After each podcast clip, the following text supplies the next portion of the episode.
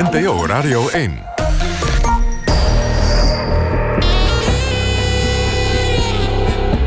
Argos. Onderzoeksjournalistiek van de VARA, Human en de VPRO. Max van Wezel. Een hele goede zaterdagmiddag. Welkom bij Argos, uw onderzoeksprogramma op Radio 1. Straks recensent Mark Chavan met twee boeken over politiek. Eentje over lobbyisten op het Binnenhof... en eentje over Haagse zonden. Straks om kwart voor drie in de boekenrubriek. U kunt met de uitzending meepraten. De hashtag is Argos Radio 1. NPO Radio 1. Argos. Maar eerst de reportage. Een beetje een kerstonderwerp hebben we vandaag voor u. Twee jaar geleden maakten we een uitzending over Nederlanders in het buitenland... die graag terug willen, maar op allerlei tegenwerking stuiten. Ik keer terug heette die uitzending dan ook. Inmiddels heeft nationale ombudsman Renier van Zutphen... een rapport over die kwestie geschreven. Het kabinet heeft daarop gereageerd... en Van Zutphen reageert er in onze uitzending weer op. Maar eerst gaan we kijken naar hoe het de mensen uit de uitzending van twee jaar geleden in de tussentijd is vergaan. En we stuiten op nieuwe problemen. Luister naar het verslag van Annemiek van der Laan. Ik keer terug, deel 2. Ik heb een domme fout gemaakt. Ik uh, kan mezelf wat aandoen dat ik uh, dat niet even heb opgezocht. Dat zou zoveel uh, ellende hebben kunnen besparen. Um, als je een andere fout maakt in Nederland, dan moet je bekeuring betalen. Dus ja, kreeg ik maar een bekeuring, dan betaalde ik die. En dan kreeg ik mijn Nederlandse nationaliteit weer terug. Je hoeft niet te verwachten dat de rode loper uit ligt... maar nu ligt hij gewoon opgerold voor de deuropening... zodat je er in ieder geval flink over struikelt. We wensen u het aller, allerbeste hier in West-Australië... in uw toekomst, in uw nieuwe land. Maar vergeet nooit dat Dirk Hartog ook weer terugging naar Nederland. Er is altijd alweer een terugweg naar Nederland. Dank u wel.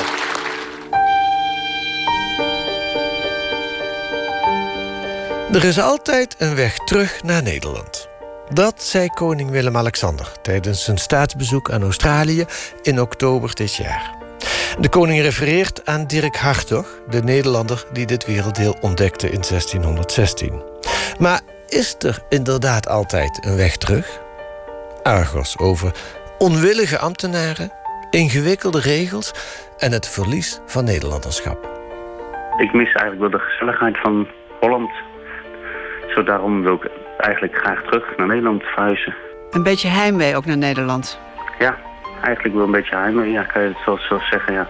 Het vissen, het voetbal, eh, ouders, ja, familie, vrienden. Richard Sint-Nicolaas. 48 jaar is hij. En hij woont al 19 jaar met zijn Deense vrouw en twee kinderen in Denemarken. Hij wil weer terug naar Nederland. Richard zoekt informatie op internet. Daar is hij maanden mee bezig, maar het is niet makkelijk om de juiste informatie te vinden. In april 2014 zegt hij zijn baan in de supermarkt in Denemarken op en gaat naar Nederland op zoek naar nieuw werk en een huis. En zijn gespaarde geld wil hij hier in Nederland op de bank zetten. Maar dat is nog niet zo gemakkelijk. Dat bleek toen hij bij de bank kwam. We gingen daarheen en uh, ze vraagt die vrouw om een SOVI-nummer, BNS-nummer. Ja, dat, uh, dat heb ik niet. Uh, dat heb ik niet. Ik heb een paspoort, zei ik zo. Mijn, uh, ze keek in mijn paspoort. Ze zei, nou, maar je hebt geen BNS-nummer hierin. BSN-nummer, ja. ja. maar het is een Nederlands passie, zeg ik zo. Want dat is gemaakt bij de ambassade. Ja, dat kon ze niet gebruiken. De bank weigert een rekening te openen voor hem... omdat hij geen burgerservice-nummer heeft. Dat komt zo. Richard heeft zijn paspoort laten verlengen via de Nederlandse ambassade. Als je dat in het buitenland doet, schrijven ze het BSN er niet meer in. Richard heeft nog wel een BSN, maar hij weet zijn nummer niet meer. Hij informeert vervolgens bij de gemeente Den Haag of hij het weer terug kan krijgen. Ik heb uh, geïnformeerd bij de gemeente en heb gevraagd naar mijn BNS-nummer. En die zeiden dat ik het niet meer heb. Maar zo belden wij ook naar de Rotterdamse gemeente. We vonden het eigenlijk wel een beetje gek. En die zei, ja, dat heb je misschien. Maar ja, daar hebben we eigenlijk niks aan. aan. Misschien natuurlijk. Richard gaat naar de gemeente Den Haag om te kijken of die huisvesting voor hem weet. Maar hij krijgt te horen dat de wachttijd via de woningcorporaties wel zeven jaar kan bedragen. Hij belt een aantal makelaars. Maar om een huis te kunnen huren via een makelaar moet je Nederlandse salarisstroken laten zien. En die heeft hij niet. Hij heeft alleen salarisstroken van zijn Deense werkgever. Maar geen nood, hij heeft wel een aanzienlijk bedrag op zijn Deense rekening. gevraagd of ze dan uh, bankuitschriften willen zien. En ik heb toch genoeg geld. Dat kan ik toch gewoon betalen. Maar dat, uh, daar waren ze niet geïnteresseerd in eigenlijk. Het is voor Richard onmogelijk om een huis te vinden. Dus hij woont tijdelijk met zijn vrouw bij zijn zus in Berkel en Roderijs. Hij kan daar niet blijven en hij kan zich daar ook niet inschrijven, want dat zou financiële gevolgen voor zijn zus kunnen hebben. Hij heeft per se een adres nodig om zich in te schrijven. Want, zo heeft een ambtenaar tegen hem gezegd, alleen mensen die zijn ingeschreven in de basisregistratie personen krijgen een BSN-nummer.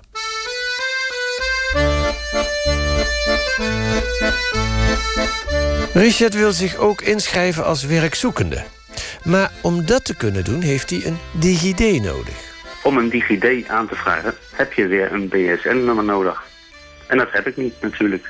We kregen iedere keer te horen, je moet een nummer hebben, een BSN. En zo, ja, op het laatst maakten we er grapjes over. Maar het, het is niet leuk, want je wordt heel erg gestrest. Want je weet niet meer wat je moet doen op het laatst. Richard en zijn vrouw moeten onverrichter zaken weer terug naar Denemarken. Daar moet hij zijn leven opnieuw opstarten. Want hij is zijn huis en zijn baan kwijt. En een deel van zijn spaargeld. Want dat is opgegaan aan zijn verblijf in Nederland. We zijn van ellende teruggegaan naar Denemarken. Er waren te veel obstakels. En zo besloten mijn en mevrouw om gewoon ons leven verder te zetten. Deze week hadden we contact met Richard Sint-Nicolaas. Hij woont nu, twee jaar later, nog steeds in Denemarken. Hij heeft een baan maar wil toch nog steeds graag terug naar Nederland. En hij kijkt op allerlei sites of er nog een leuke baan voor hem is.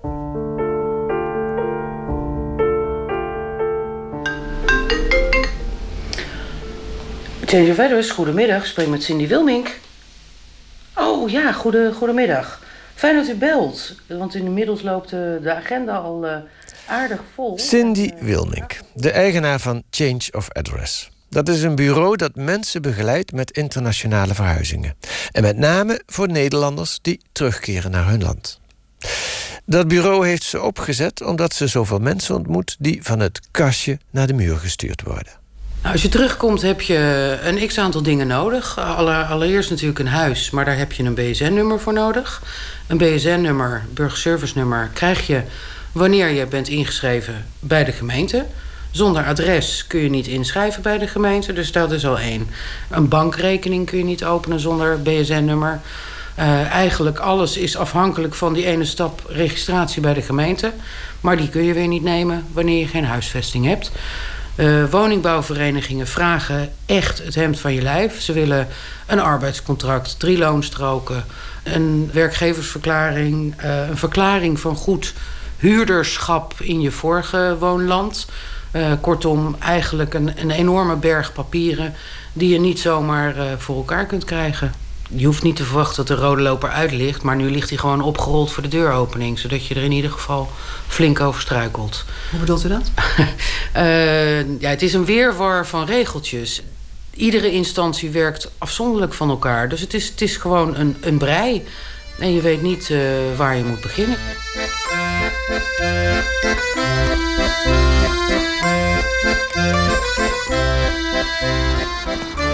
Goedemorgen. Ja, ik kon het vinden. Ah, dit is hem, de camper. Dat is hem. Dat is ook niet groot. Nee, maar uh, het is genoeg. Het is, uh, het is ons huisje, ons rijdende verblijf. We kunnen er overal mee gaan en staan waar we willen. Dus uh, ik zou zeggen, we gaan naar binnen.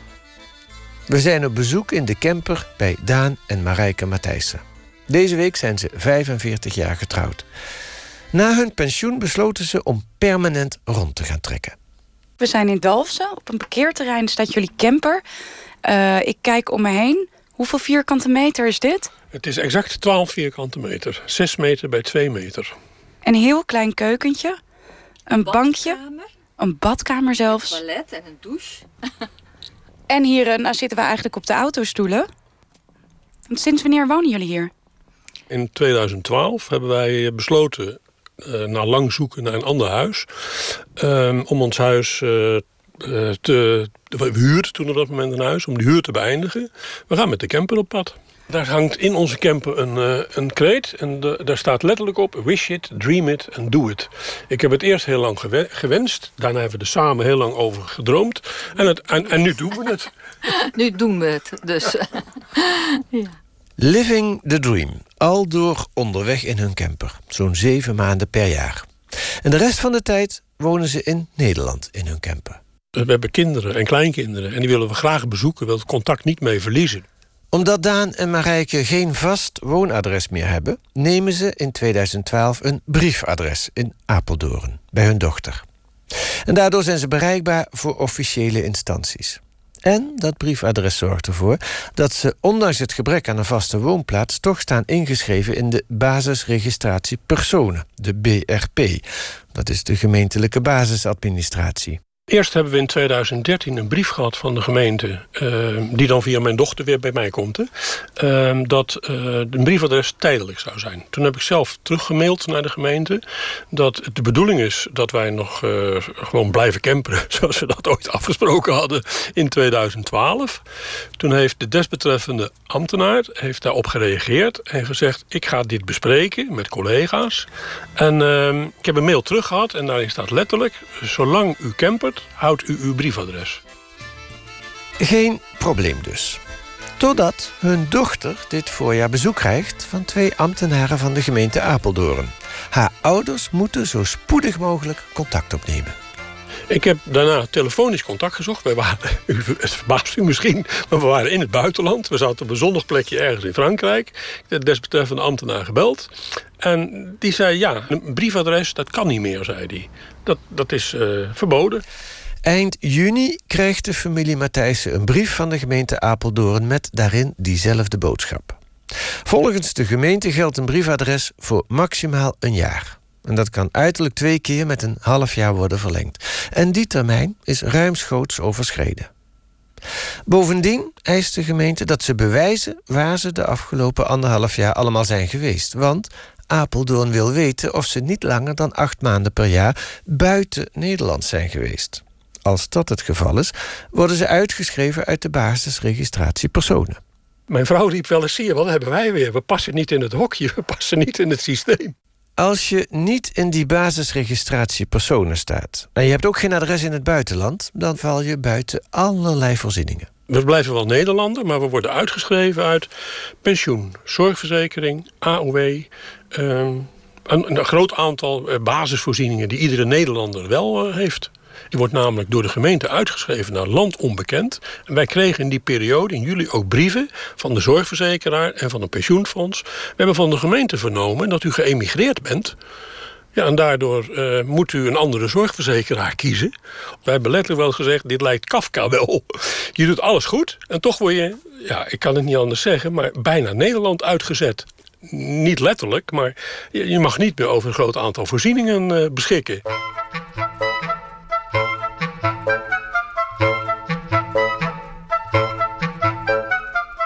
Ze laten het er niet bij zitten. Ze schrijven de gemeente dat aan hun briefadres nooit een maximale termijn is gekoppeld. En dat hebben ze bovendien zwart op wit. Maar de gemeente reageert alleen door te stellen dat ze nog steeds informatie nodig heeft over de duur van hun verblijf in het buitenland. Tot ongenoegen van de familie. We hebben er allebei naar gekeken. Zeiden, ja, dat gaan we niet doen. We, zijn misdadigers. We hoeven niet voor iedere stap die we zetten... hoeven we rekening en verantwoording af te leggen. Nou, we hadden wel een voorstel. Misschien kunnen ze ons een enkelband geven of een chip in ons oor. Misschien maakt het dat makkelijker voor de gemeentes. Uiteindelijk maken ze toch maar een zo compleet mogelijke lijst... van de plekken waar ze sinds 2015 zijn geweest. En ze verzamelen zoveel mogelijk rekeningen en foto's. Op 3 oktober dragen ze het hele pakket over aan twee ambtenaren van de gemeente Apeldoorn. En tot hun grote verrassing komen die op dat moment ineens met een nog veel strengere mededeling. Op 3 oktober zijn met mij, wat u ook doet, de, gemeente, de desbetreffende gemeente heeft inmiddels heeft vastgesteld dat je nooit langer een briefadres dan drie maanden krijgt. Punt. Ik neem aan dat jullie die belofte van die eerste ambtenaar ook hebben, uh, hebben laten lezen aan de, aan de gemeente. Wat was hun reactie daarop? Want eigenlijk schenden ze dus nu die belofte. Ja, ze schenden die belofte. Een reactie daarop is, ja, een ambtenaar mag verklaren wat hij wil. De letterlijke reactie was, hij mag verklaren wat hij wil, maar het is niet rechtsgeldig. Sindsdien heeft de familie Matthijssen niets meer van de gemeente gehoord. Ze denken nu dat ze elk moment uit de basisadministratie gegooid kunnen worden. Dat is ze verteld door een juridisch adviseur. Als ze uit de basisadministratie worden gezet, dan maakt de gemeente dat alleen bekend via haar website. Je moet een Apeldoorn bekendmakingen. Daarom checkt de familie Matthijssen elke dag of ze nog ingeschreven zijn. Tenminste, als de wifi werkt. Nou, het eerstvolgende wifi-pen zal ik wel even checken. Ik weet in ieder geval dat we tot afgelopen zaterdag... dat we nog niet uitgeschreven. Tot afgelopen vrijdag. Gemeentes werken ook het weekend niet, dus afgelopen vrijdag waren we nog niet uitgeschreven. We hebben gebeld met het ministerie van Binnenlandse Zaken. Daar weet men ons te vertellen dat er helemaal geen maximale termijn mag worden gesteld aan het hebben van een briefadres. Maar ze geven toe dat het hier en daar toch gebeurt. En daarom heeft het ministerie onlangs in een circulaire nog eens uitgelegd aan gemeenten hoe het wel moet. Wij voelen ons alsof je van het kastje naar de muur gestuurd wordt. Want wat is er nou simpeler als je dat je een briefadres hebt... dat de gemeente dat zou regelen voor mobiele burgers... en dan uh, gewoon uh, dat regelt op de een of andere manier. We mailen met de gemeente Apeldoorn. De gemeente zegt dat een briefadres altijd tijdelijk is. Dat klopt dus niet met de informatie die we van het ministerie kregen. De woordvoerder laat ons verder weten niet op de individuele casus van de familie Matthijssen te kunnen ingaan. Maar, zegt de woordvoerder. Nu, met de nieuwe circulaire, gaan we opnieuw bekijken hoe we daarmee omgaan. Iedere partij in Nederland heeft eh, het woordje vrijheid wel bijna in zijn politieke programma's zijn. Dit is zo'n rare beknotting van je vrijheid. Dit pikken we niet. Dus uh, we blijven gewoon vechten.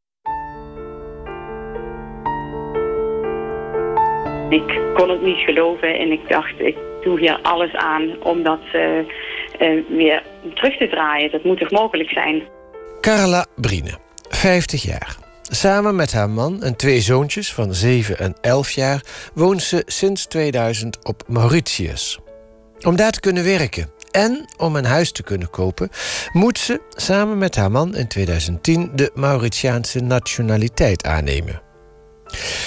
Toen ze in 2013 een nieuw Nederlands paspoort wilde aanvragen, kwam ze erachter dat ze geen Nederlandse meer was omdat ze naast de Nederlandse nationaliteit vrijwillig een tweede had aangenomen.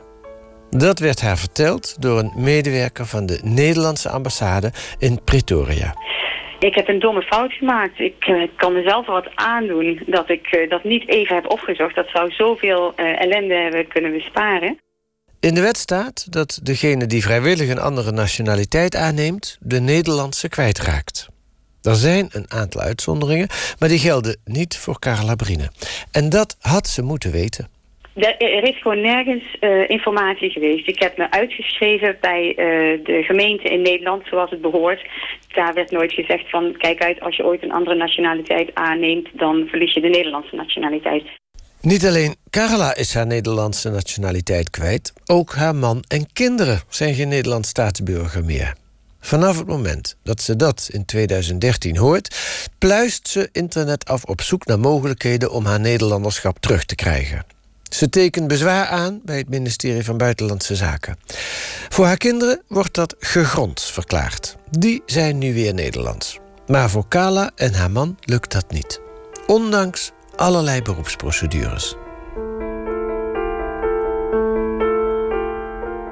Doordat Carla Brine haar Nederlandse nationaliteit niet meer heeft, mag ze Nederland nog maar beperkt in. Als Mauritiaanse mag ze 90 dagen per half jaar in Nederland zijn. Als in 2014 blijkt dat haar moeder een hersentumor heeft, komt Carla naar Nederland. En al snel is duidelijk dat haar moeder zal sterven. En Carla wil er tot het eind bij zijn. Ze belt de IND, de Immigratie- en Naturalisatiedienst, met de vraag of ze langer dan 90 dagen mag blijven. Toen werd er gezegd, nou ja, dat kan niet, want als Mauritiaanse mag je maar 90 dagen hier blijven. Dus zei ik, dan wil ik een verblijfsvergunning aanvragen, zodat ik langer mag blijven. En toen werd gezegd, nou ja, dat gaat niet. Dan moet u eerst terug naar Mauritius en daar moet u dan die uh, verblijfsvergunning aanvragen. En dan kunt u weer terugkomen naar Nederland. Ja, op, op dat moment was ik uh, met name erg boos. Want ik ben gewoon Nederlandse. En ik, ja, je denkt ook, het is je geboorterecht. dat blijkt niet te zijn. Maar dan denk je toch, op zo'n moment, dan zit er toch ergens wel iemand die dit op een menselijke manier benadert. En die probeert om je te helpen. Maar dat is absoluut niet het geval. Uiteindelijk krijgt Carla, na veel soebatten, toch toestemming om langer te blijven. Omdat haar moeder op sterven ligt. Haar moeder overlijdt in augustus 2014. Na de dood van haar moeder gaat Carla Brine terug naar Mauritius. Als we haar spreken in december van dat jaar, maakt ze zich grote zorgen. Als er nu wat zou gebeuren met mijn vader... of bijvoorbeeld een aantal weken geleden... dat ze de as van mijn moeder gingen ophalen en... Sorry. Um, of een aantal weken geleden, toen uh, is mijn familie de as van mijn moeder gaan ophalen bij het crematorium. Daar kon ik niet bij zijn. Ook omdat uh, mijn quota van 90 dagen per half jaar bijna op is. Dus ik mag nog maar vier dagen in Nederland uh, blijven, deze 180 dagen. Dus als er vandaag wat met mijn vader zou gebeuren, dan zou ik niet naar Nederland mogen. Er is nog wel één manier waarop Carla Brina haar Nederlanderschap kan terugkrijgen. Dat is de optieregeling. Dan moet ze eerst een jaar met een verblijfsvergunning in Nederland komen wonen. Maar dat is voor Brine geen optie. Ze heeft een klacht ingediend bij de Nationale Ombudsman. En dat was de aanleiding voor een groot onderzoek van de Ombudsman, dat dit jaar verscheen. En daaruit blijkt dat het probleem van Brine zich veel vaker voordoet. Na een oproep kreeg de Ombudsman ruim 500 reacties. Brine heeft een eigen Facebookpagina aangemaakt. Wij zijn Nederlands. Op de omslagfoto prijkt het hele gezin in oranje voetbalshirtjes. Twee blonde jochies met de Nederlandse vlag op hun wangen. Ik voel me Nederlands. Ik spreek Nederlands met mijn kinderen. Ik voed hen Nederlands op. Ik leer hen de Nederlandse tradities. Wij eten vaak Nederlands. Uh, we vieren Sinterklaas. Ik maak zelfs mijn eigen pepernoten en peperkoek.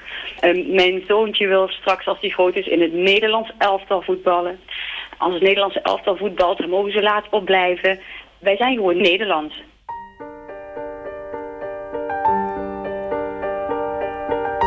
Ik was op een um, punt in mijn leven dat ik um, iets anders wilde. Ik was hier al een aantal keer op vakantie geweest. Ik had hier ook al gereisd. Verliefd geworden op het land. Een stukje ook mijn eigen roots ja, achtervolgen. En omdat ik een dubbele nationaliteit had, had ik zoiets van... het enige wat het me kan kosten is geld. Ik uh, ga het proberen en bevalt het niet, kan ik altijd terug. Nicole Blankers, 31 jaar. Geboren in Rotterdam met een Nederlandse vader en een Nederlands-Australische moeder. In 2011 emigreert Nicole naar Australië. We bellen met haar in Queensland. Vanuit haar huis heeft ze uitzicht op de dolfijnen in de Stille Oceaan. Volgens Nicole heeft ze altijd twee nationaliteiten gehad: de Nederlandse en de Australische. De Nederlandse nationaliteit, omdat beide ouders Nederlands zijn en uh, ik in Nederland geboren ben. Um, en de Australische nationaliteit, um, omdat dat via je moeder doorgegeven wordt. Om in Australië te kunnen wonen, moet Nicole haar Citizenship by Descent aanvragen bij de Australische ambassade in Londen. Zo'n citizenship krijg je alleen als je Australische roots hebt. Het bewijs wordt afgegeven op 16 maart 2011. Nicole vraagt dat citizenship niet zomaar aan. Dat heb je nodig voor je, um, je paspoort, maar ook bijvoorbeeld om te stemmen. Um, heel veel dingen heb ik hem hiervoor nodig om te bewijzen dat ik Australisch ben. Een jaar later gaat ze op vakantie naar Nederland, naar haar moeder. Ze maakt van de gelegenheid gebruik om haar Nederlandse paspoort te verlengen. Ze woonde in Rotterdam, maar dat verlengen doet ze bij de gemeente Den Haag. Die heeft daarvoor een speciale buitenlandbalie. Daar ziet de ambtenaar dat Nicole in Australië woont, maar geen visum heeft in haar paspoort. Zou ze misschien Australische zijn? De ambtenaar vertelt dat er daarom een onderzoek naar haar Nederlanderschap wordt ingesteld. Ik schrok ervan. Ik ging ervan uit dat ik, dat ik gewoon nog Nederlandse was, omdat ik daar ook geen tegenbericht over heb gehoord. Tijdens mijn aanvraagprocedure van het Citizenship Certificate heb ik ook verschillende dingen aan moeten vragen bij de gemeente Rotterdam. Daar aan de balie wist men waar ik mee bezig was. Ben ik nooit ergens op gewezen. Daarom dacht ik dat ik nog Nederlands was. Ik heb geen aanwijzingen gekregen dat het niet zo was. Drie weken later is het onderzoek afgerond. Nicole blijkt Nederlands en krijgt een nieuw Nederlands paspoort. En een stempas waarmee ze stemt voor de Tweede Kamerverkiezingen. In september gaat ze weer terug naar Australië. En dan gebeurt er iets geks. Na Den Haag begint nu ineens ook Rotterdam met een onderzoek naar haar nationaliteit. En naar die van haar moeder. In januari 2013 schrijft de gemeente Rotterdam aan de moeder dat ze de Nederlandse nationaliteit van de moeder in twijfel trekt. Dat ze wellicht alleen de Australische nationaliteit heeft. Dat is gek, want dat zou betekenen dat de moeder 35 jaar illegaal, zonder Nederlandse verblijfsvergunning, in Nederland heeft gewoond. Maar op 7 februari 2013 komt er de verlossende brief van de gemeente. Nicole's moeder heeft toch al die tijd de Nederlandse nationaliteit gehad. Alleen voor Nicole is er slecht nieuws. In de brief staat dat zij haar Nederlanderschap verliest.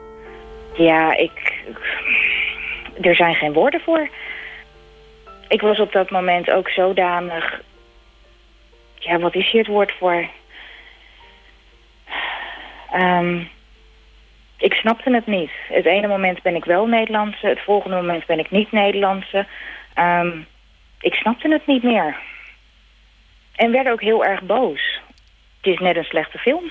In de brief van de gemeente Rotterdam aan haar moeder staat ook dat de Nederlandse ambassade wordt ingelicht over het feit dat Nicole sinds het aanvragen van haar citizenship in 2011 de Nederlandse nationaliteit kwijt is omdat ze daardoor Australische is geworden.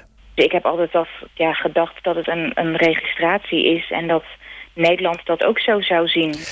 Nicole snapt het niet meer.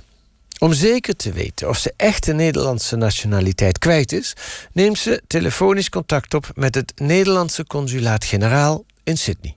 Daar kreeg ik te horen dat ik op een zwarte lijst stond en binnen een x aantal dagen mijn paspoort indiende te leveren Anders zou er contact opgenomen worden met de federal police om mij op te sporen um, om mijn paspoort in te nemen. Ik bedoel even serieus, we hebben het hier over een paspoort en dat daar de federale politie bij gehaald moest gaan worden. Um, daar moest ik in eerste instantie heel hard om lachen. Maar daarna werd ik heel erg boos. Ik, bedoel, ik ben geen crimineel, ik heb niks fout gedaan. Zover ik wist had ik recht op dit paspoort. Ik had hem immers pas drie maanden. De volgende dag gaat Nicole naar het consulaat in Brisbane om haar Nederlandse paspoort in te leveren. Vervolgens werd ik ja, toch wel enigszins schofterig behandeld. Midden in een volle wachtkamer met nou ja, toch zeker wel een stuk of tien mensen om me heen... werd mij toch wel duidelijk gemaakt dat ja, het absoluut nat dan is om een paspoort te hebben als niet-Nederlander. En werd ik als een soort van crimineel behandeld. Men was heel kort af tegen me. Ik probeerde ook vragen te stellen van ja, hoe kan ik dit aanvechten? Wat kan ik hiermee? Dit klopt toch niet? En daar kreeg ik ook verder ja, geen antwoorden op.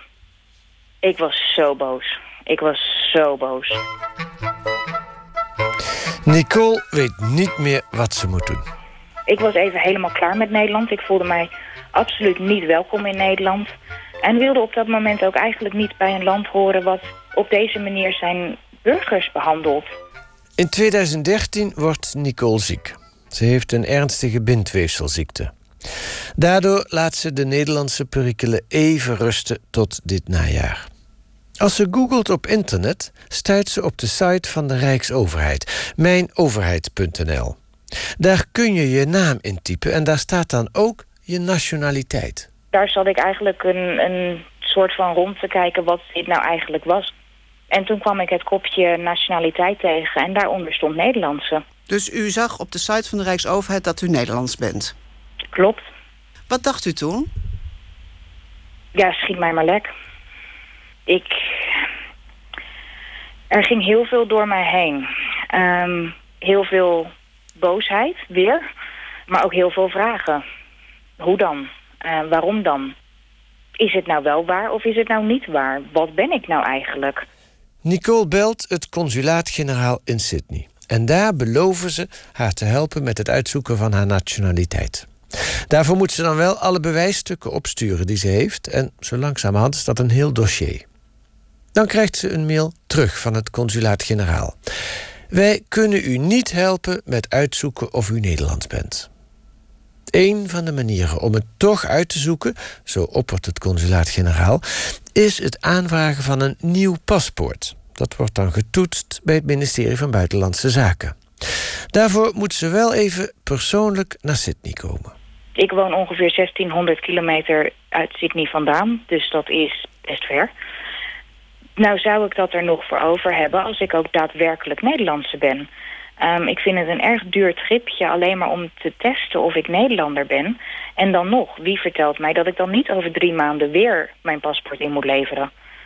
Um, wat dat betreft vertrouw ik het systeem ook eigenlijk niet meer. We vragen het ministerie van Buitenlandse Zaken om een reactie op het verhaal van Nicole. Een woordvoerder laat weten dat ze denkt dat het consulaat-generaal is afgegaan op het Rotterdamse onderzoek in 2013. Als we doorvragen, antwoordt de voorlichter dat het ministerie in dit geval alleen maar uitvoert. Het onderzoek van de gemeente Rotterdam is leidend. Als we dit voorleggen aan de woordvoerder van de gemeente Rotterdam, reageert hij verbaasd. Volgens hem is het landelijk beleid. En, voegt hij eraan toe, het zou toch van de gekken zijn als de verantwoordelijkheid hier ligt bij de gemeente Rotterdam. We leggen deze tegenstrijdige verklaringen voor aan Nicole. Ben je dat nou? ja, maar hoe moeten wij dan weten hoe dingen wel of niet werken als ze het zelf al niet weten? Is dit nu een kwestie van... Um, ze doen het zich heel makkelijk af door me van het kastje naar de muur te sturen... of weten ze het echt niet? Net als Carla Brine kan Nicole Nederlandse worden... als ze eerst een jaar in Nederland komt wonen. De zogeheten optieregeling. Die optieregeling ten eerste kost klauwen met geld. Geld wat ik op dit moment niet heb. Maar ook waarvan ik van mening ben dat ik dat niet hoef te betalen. De fout ligt bij de overheid, welke fout het ook mag zijn... Maar daarnaast moet ik dan ook mijn Australierschap opgeven. Dus dat betekent dan ook dat ik niet meer terug kan naar Australië. Het verlies van haar Nederlanderschap heeft allerlei gevolgen voor Nicole. Het betekent dat ik niet voor langer dan 90 dagen terug kan naar Nederland. Nou, ik ben enigs kind. Als er iets met mijn ouders gebeurt... zou ik het toch heel fijn vinden om wel voor langer dan 90 dagen terug te kunnen naar Nederland. Daarnaast ben ik ook ziek en heb ik um, af en toe zorg nodig mocht er iets met mijn partner gebeuren... ja, dan kan ik toch niet terug nu naar Nederland... om op mijn netwerk in Nederland te kunnen vallen. Um, en dat is iets wat ik heel eng vind. Het is toch fijn om te weten dat je, dat je bij je familie terecht kan... als het niet goed met je gaat. Nicole heeft het consulaat-generaal in Sydney nog een keer gemaild. Met de vraag of iemand bij de Nederlandse overheid haar kan zeggen welke nationaliteit ze heeft. Nicole heeft nog geen antwoord gekregen. Als ik dit van tevoren had geweten, dan weet ik niet of ik um, de beslissing had genomen om te emigreren en had ik waarschijnlijk nog in Nederland gewoond.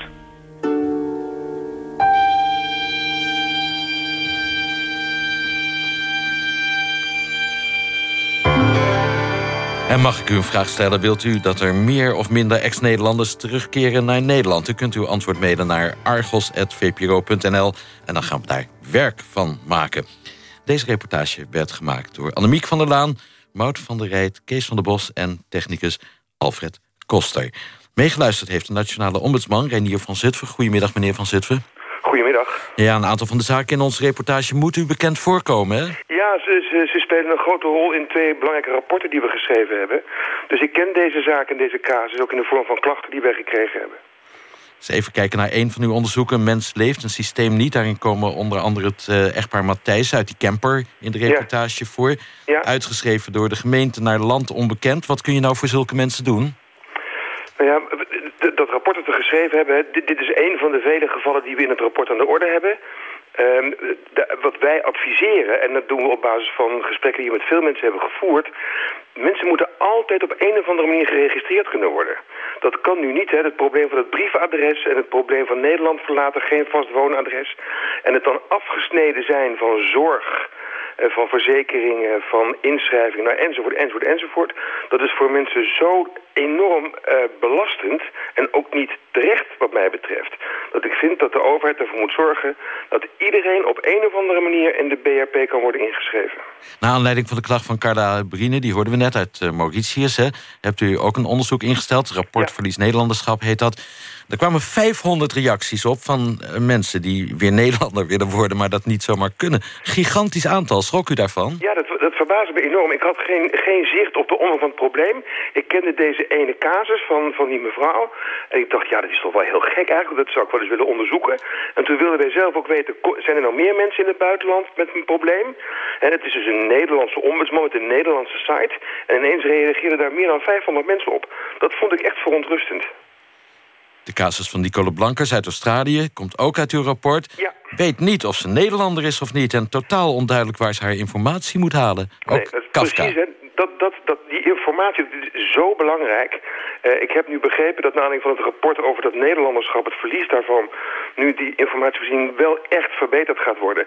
Want mensen weten niet waar ze het zoeken moeten, de, de goede informatie, bij wie moeten ze zijn. Ik vind dat er één contactpunt moet zijn waar ze naartoe kunnen... waar ze alle vragen kunnen stellen uh, over hun Nederlanderschap. En tegelijkertijd vind ik dat de overheid ook veel actiever moet zijn... om die mensen zelf te benaderen en te zeggen, let op... Als je Nederlander wil blijven, dan moet je wel iets doen. Namelijk je melden of die, dat, dat, dat, uh, iets stuiten of nou, wat dan ook. Maar mensen moeten weten wat ze moeten doen. En dat was tot nu toe totaal onduidelijk? Nou ja, dat is, u, de, ook uit deze uitzending blijkt maar weer... dat het nog steeds niet echt goed duidelijk is voor sommige mensen.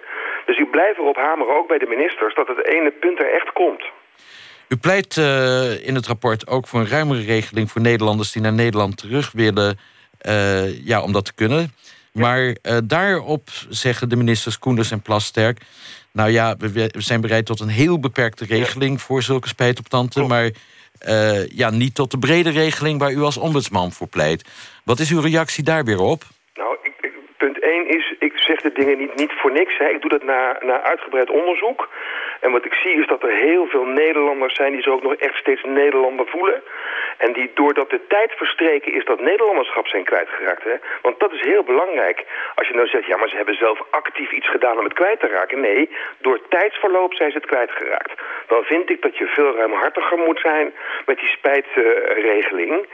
Uh, uh, omdat het mensen weten van, zijn van wie je weet... dat ze dat eigenlijk, als ze hadden het van tevoren geweten... ook mevrouw Brien had ze heus dat briefje wel gestuurd.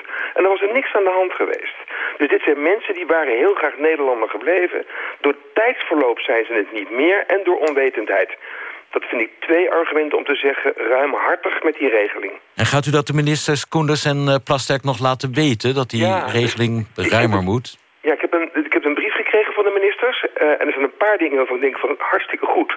Want dat zijn echt precies de dingen die ik graag wil. Informatie, uh, um, bij de paspoortverlening, nou, een heleboel goede dingen. Maar een paar dingen, daar gaat het nog niet ver genoeg. En daar zou ik toch eigenlijk wel eens een keer... Uh, en niet op lange termijn, maar op korte termijn... een goed gesprek met, met de minister over willen hebben. U gaat ze uitnodigen voor een gesprek, mag u dat doen? Nou, ik begin met een brief te schrijven waar ik wel tevreden mee ben... en waarvan ik denk dat het nog beter kan. En dan zeg ik, ik wil wel graag contact. Dus ik nodig mezelf een beetje uit.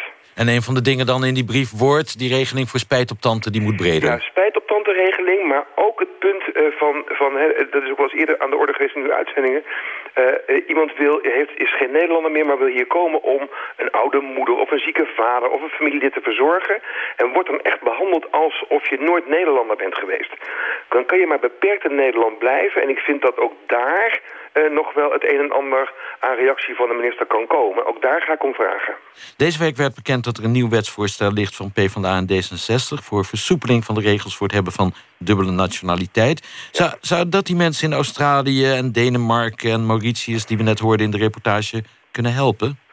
Nou ja, dat, uh, of het die mensen, als dat wet wordt, en ik zie er heel veel voordelen in, want het lost een heleboel problemen op. Mijn rapport gaat daar niet over, hè? want dit is een hele andere uh, invalshoek.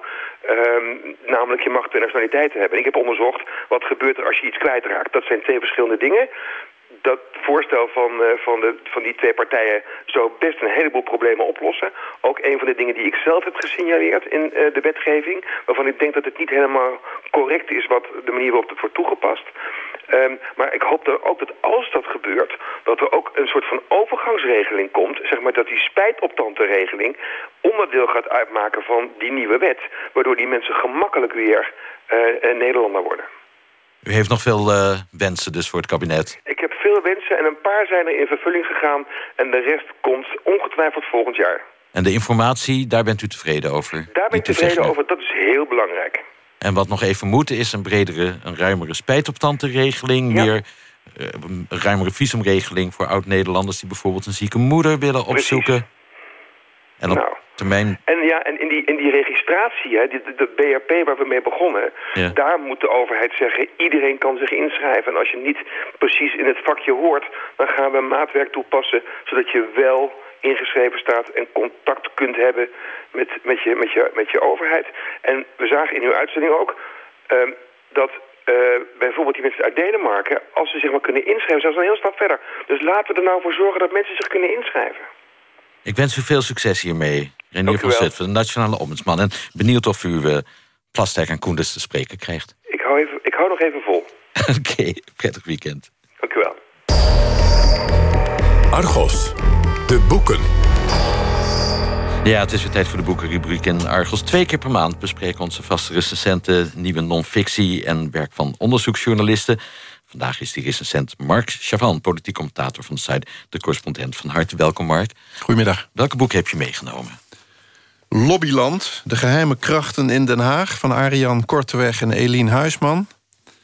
En voor de variatie een keer het jaarboek Parlementaire Geschiedenis 2016...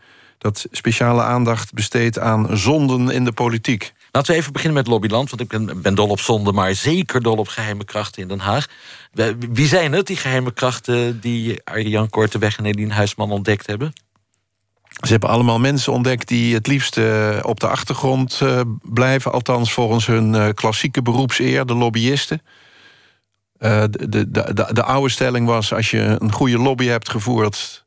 dan bereik je resultaten en blijft dat onbekend... en blijf jij onbekend. Langzamerhand bespeur ik in hun boek een verschuiving... naar modernere, jongere lobbyisten... die zo nodig ook voor op het toneel optreden... en de publieke opinie zo nodig actief bewerken om hetzelfde doel te bereiken, namelijk dat wat hun opdrachtgevers uh, zouden willen. De jongeren zijn iets exhibitionistischer dan de oudere lobbyisten. Zo zou je het kunnen zeggen, ja.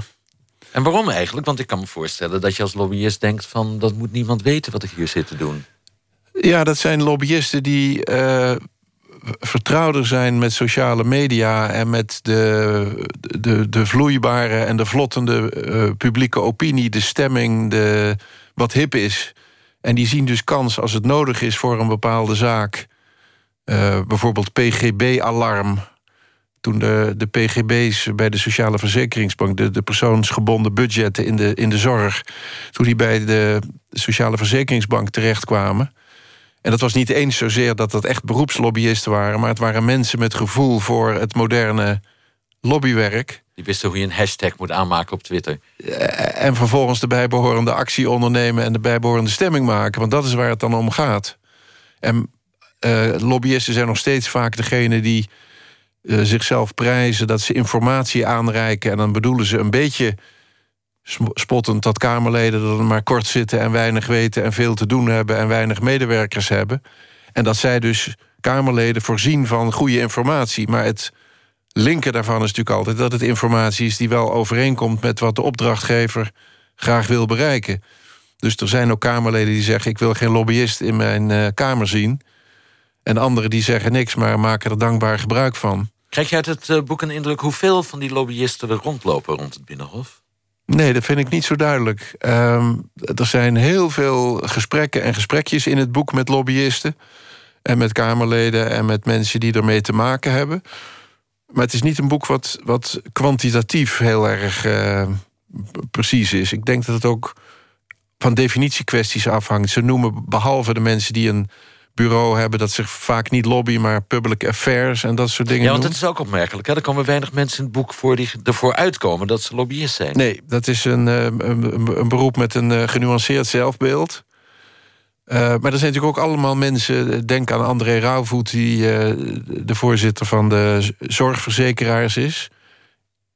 Je zou kunnen zeggen, die is lobbyist namens de zorgverzekeraars. Oud-minister Guusje ter Horst komt Oud-minister Guusje ter Horst die voor de fysiotherapeuten dat doet. En ehm, oud-minister Tom de Graaf die het voor de, het hoger beroepsonderwijs doet. Zo zijn er allerlei mensen die na een politieke functie, soms als Kamerlid... Bedoel, eh, Een oud-Kamerlid als Bert Bakker is bij een lobbykantoor...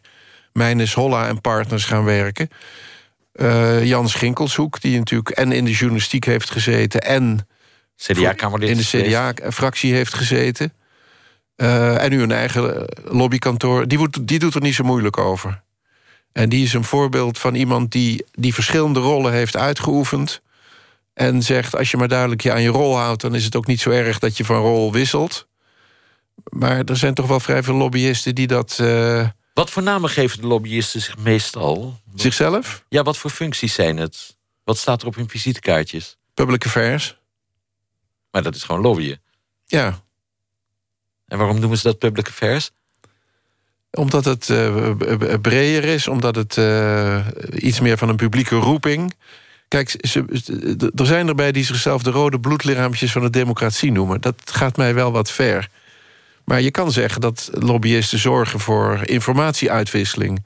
Het kan ook zijn dat het de lobby is voor, voor de regio Twente.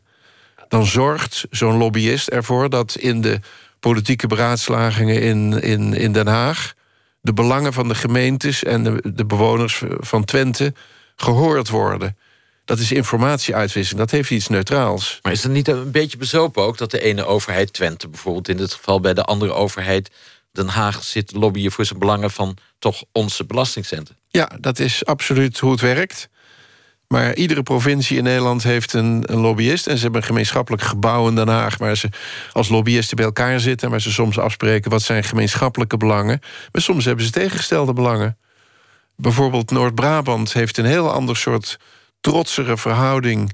tot Den Haag en Europa... en ziet zichzelf ongeveer als een soort scharnier... tussen Brussel, Europa enerzijds en de Haagse politiek anderzijds. Terwijl een provincie als Zuid-Holland en Noord-Holland... daar is minder, zeg maar, eh, provinciale trots... En die doen nogal zakelijk eh, wat er zo nodig is. En dan gaat het misschien wel om wegen of om eh, de vervoersregio of de energievoorziening of ja, betrekkelijk onromantische dingen. Maar Friesland voelt zich dan weer verwant met, met Brabant en, en Groningen, omdat die de verwegprovincies zijn waar nog een wat grotere regionale identiteit is. Dus soms zullen die lobby's van die provincies samen optrekken. En blijven Utrecht en Noord-Holland een beetje aan de, aan de Ja, het zijlijn ligt te zitten. dicht bij Den Haag eigenlijk. Wat is de meest effectieve lobby die je bent tegengekomen in dit boek Lobbyland? Ja, het is moeilijk te zeggen. Ik, er staat betrekkelijk weinig in over de tabakslobby. Wel wat. Maar je kan natuurlijk al met al eh, vaststellen dat, dat tabak vrij verkrijgbaar is... en iedereen die roken wil, roken wil. Terwijl mensen die zich daar goed in verdiept hebben zeggen... je zou het vrijwel onmogelijk moeten maken. Want het, is, het kost 20.000 doden per jaar. En iedereen die rookt, begint te roken... is na een maand verslaafd voor het leven. En iedereen die rookt... eh, heeft een kans van 50% om eraan te overlijden. Dat is niet meer, eh, ja, iedereen zijn vrije keus. En toch ziet op een of andere manier die tabakslobby... die internationaal en nationaal is... ziet kans om eh, ja, die barrières iedere keer weer een eindje opzij te duwen. Waardoor toch... Er mogen natuurlijk geen sigaretten meer in, het, in, in kantoren gerookt worden. Ze mogen niet te dicht bij scholen verkocht worden. En toch beginnen er net zoveel mensen met roken... als, als ermee ophouden of eraan doodgaan. Dus dat ma- mag je een effectieve politieke lobby noemen. Er zijn evenveel rokers als vijf jaar geleden. Dus dat mag je een effectieve Dat is een effectieve lobby. Een eh, intrigerende term in het boek is de draaideurpoliticus. Wie is dat? Ja, dat hebben we natuurlijk daarnet al even genoemd. De Bert Bakkers, Ja. de Jan Schinkelshoeken. Ja, De oud-politici die gewoon op het Binnenhof blijven wonen... maar dan als lobbyist. ja. Uh, André Ravoet vind ik altijd een opvallend voorbeeld... omdat hij als uh, in de tijd jonge, opvallende ster... de ChristenUnie uh, in het politieke centrum heeft weten te plaatsen. Vooruitstrevend en christelijk en sociaal... en bereid het land mee te regeren. En toen werd hij minister van, uh, ik zal maar zeggen, jeugd en gezin. Dat was niet een bestaand ministerie en dat kreeg hij ook niet. Dus hij was toen een beetje een soort logeerminister. En daarna werd hij de lobbyist van de zorgverzekeraars... wat een, een, een niet populaire groep, uh, een klein groepje uh, grote bedrijven is... die zeggen dat ze een stichting zijn... en voor ons als klanten de indruk wekken dat ze commerciële bedrijven zijn... die ontzettend knokken voor de klant. Um, hij is door die draaideur gegaan en is beter gaan verdienen. Schat een keer of twee, drie wat de minister verdient. En heeft de navenant in mijn ogen als journalist verlies aan geloofwaardigheid. Want als zo iemand praat, dan praat hij namens een belang. Um, een interessante variant van de draaideurpoliticus in één... is zijn natuurlijk een aantal Eerste Kamerleden. Eerste Kamerleden worden eigenlijk uh, geacht op dinsdag voor de Eerste Kamer te werken. Dan vergaderen ze. En op maandag hebben ze vaak commissievergaderingen. Mag ik even naar het andere boek over die zonde in de politiek? Want hij staat een stuk in van Tom-Jan Mees... de ja. politiek commentator van NRC Handelsblad. Uh, en, en die zegt, uh, die Eerste Kamerleden... die worden verdacht gemaakt eigenlijk... Het, het, is een taak, ze hebben maar uh, één dag per week die Eerste Kamer. Nou, het, het is een taak om maatschappelijke banen te hebben. Tom Jan Mees zegt, denk ik terecht in, in zijn bijdrage aan dat jaarboek... er is met integriteit iets geks aan de hand. De, er is een toenemend besef dat uh, een aantal dingen niet kunnen. Dat je als, als Kamerlid geen giften aanneemt, dat, uh, dat is wel bekend. En we hebben ook uh, politici, denk aan die Noord-Hollandse gedeputeerde Hoijmaier... die echt veroordeeld is voor het aannemen van geld... en het doen van gunsten in ruil daarvoor aan bouwers in zijn provincie. Dat weet iedereen wel. Dat is integriteit van een helder soort. En die hoor je niet te overtreden. Maar er is een nieuw soort gebruik van die angst voor integriteitsschendingen gekomen. Dat soms de ene politicus de andere gaat zeggen: hé, hey, jij kan in de Kamer dit niet zeggen, want jij bent ook betrokken bij die en die sector. Ja, hij noemt uh, Elke Brinkman, die NCDA-senator Elke Brinkman is... Uh, vroeger voorman van Bouwend Nederland... en die werd eigenlijk het zwijgen opgelegd door Tweede Kamerleden, zegt hij. Toen het ging om de verhuurdersheffing met de, aan de woningbouwcorporaties. Ja, en later bleek dat het standpunt wat hij innam... ook door Arie Duivenstein werd ingenomen. Die van de Partij van de Arbeid een van de grote bouwers is... En die nam hetzelfde standpunt. En het, het, het, het verwijt aan Elko Brinkman was dus een verwijt... wat suggereerde dat hij een dubbel, dubbele pet op had. Terwijl het in dit geval een zakelijk argument was wat hij had gebruikt. Dus er is ook misbruik van integriteitsvrees. Ben je het met Tom Jan Mees eens dat uh, hij, noemt zijn artikel de valkuil van het integriteitsopportunisme, dus uh, te pas en te onpas uh, de integriteit van de ander in twijfel trekken? Gebeurt dat te vaak, vind je? Ik denk dat het vrij vaak gebeurt. En ik vrees dat de pers zich er ook vrij vaak schuldig aan maakt. Want als het niet Kamerleden zijn... dan zijn het wel journalisten die iets suggereren... terwijl tegelijkertijd Eerste Kamerleden bijvoorbeeld... worden voor één dag betaald. En er wordt geacht dat ze in de samenleving actief zijn. Wat wil je nou? Wat dat betreft zijn ze weer anders dan die draaideurpolitici... die uit de Tweede Kamer komen. Mark, dankjewel. Ja, dat is voor ons Lobbyland, de geheime krachten in Den Haag... van Arjan Korteweg en Edien Huisman. En Zonde in de Politiek, het jaarboek voor parlementaire geschiedenis 2016. Komen daar toch ook nog wel andere zonden in voor? Van uh, seks of overspel of drank? Of... Helemaal niet. Alleen maar integriteitsschendingen. Echt. En dan nog niet eens integriteitsschendingen... die allemaal een integriteitsschending Nee, het is een heel integer boek. Dankjewel, Mark Chavan. Dit was uh, Argos.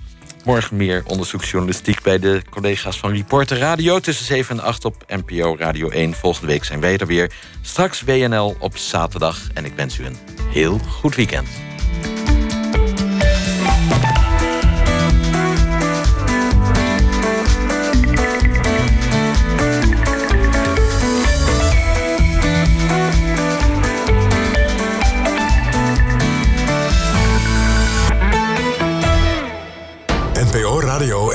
In Vroege Vogels, Fraters en Ruigpootbuizerds in Oost-Groningen... boerenproducten om de hoek bij de buurderij... Hoe is het om te leven als een das? Het is bijna niet voor te stellen wat zo'n beest er allemaal uit. Ja, het ruikt heel kruidig, paddenstoelachtig. En de verkiezing van de groenste politicus van 2016. Wordt dat Rick Grashoff, Fatma Koshakaya of Erik Smaling? Dat hoort u morgenochtend van 7 tot 10 in Vroege Vogels. Op NPO Radio 1. Het nieuws van alle kanten. Dat online bankieren? Nee, snapt mijn vader allemaal niet zo goed. Dus doe ik dat voor hem. Elke maand log ik even in op zijn rekening. En soms pak ik dan ook een Accept Giro van mezelf mee. Dat vindt hij niet erg. Ik hoor hem er in elk geval nooit over. Ook dit is financieel misbruik van ouderen. En dat komt vaker voor dan je denkt. Dus leer de risico's herkennen en bespreek ze met ouderen. Weten hoe? Kijk op voor eenveiligthuis.nl. Een veilig thuis. Daar maak je je toch sterk voor.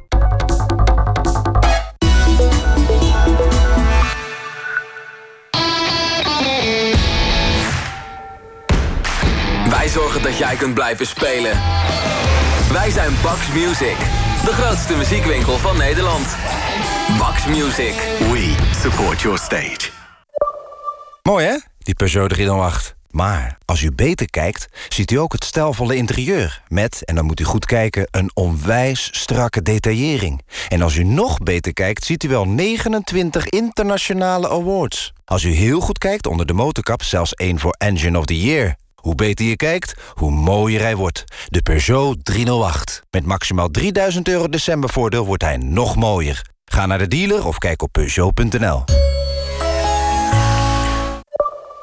Iedere dag staan er meer dan 400 specialisten voor je klaar. Kom naar een van onze muziekwinkels of ontmoet ze op bakshop.nl. Bax Music. We support your stage. We leven in een wereld die steeds sneller verandert. Waarin we anders wonen. Anders werken. Anders leven. Dan wil je toch niet vastzitten aan een gebouw dat niet mee verandert? De Mail maakt ruimte voor flexibel bouwen. Ruimte voor de toekomst. Want bouwen kan en moet anders. Wij zijn De Mail. Toekomstbouwers. Demail.com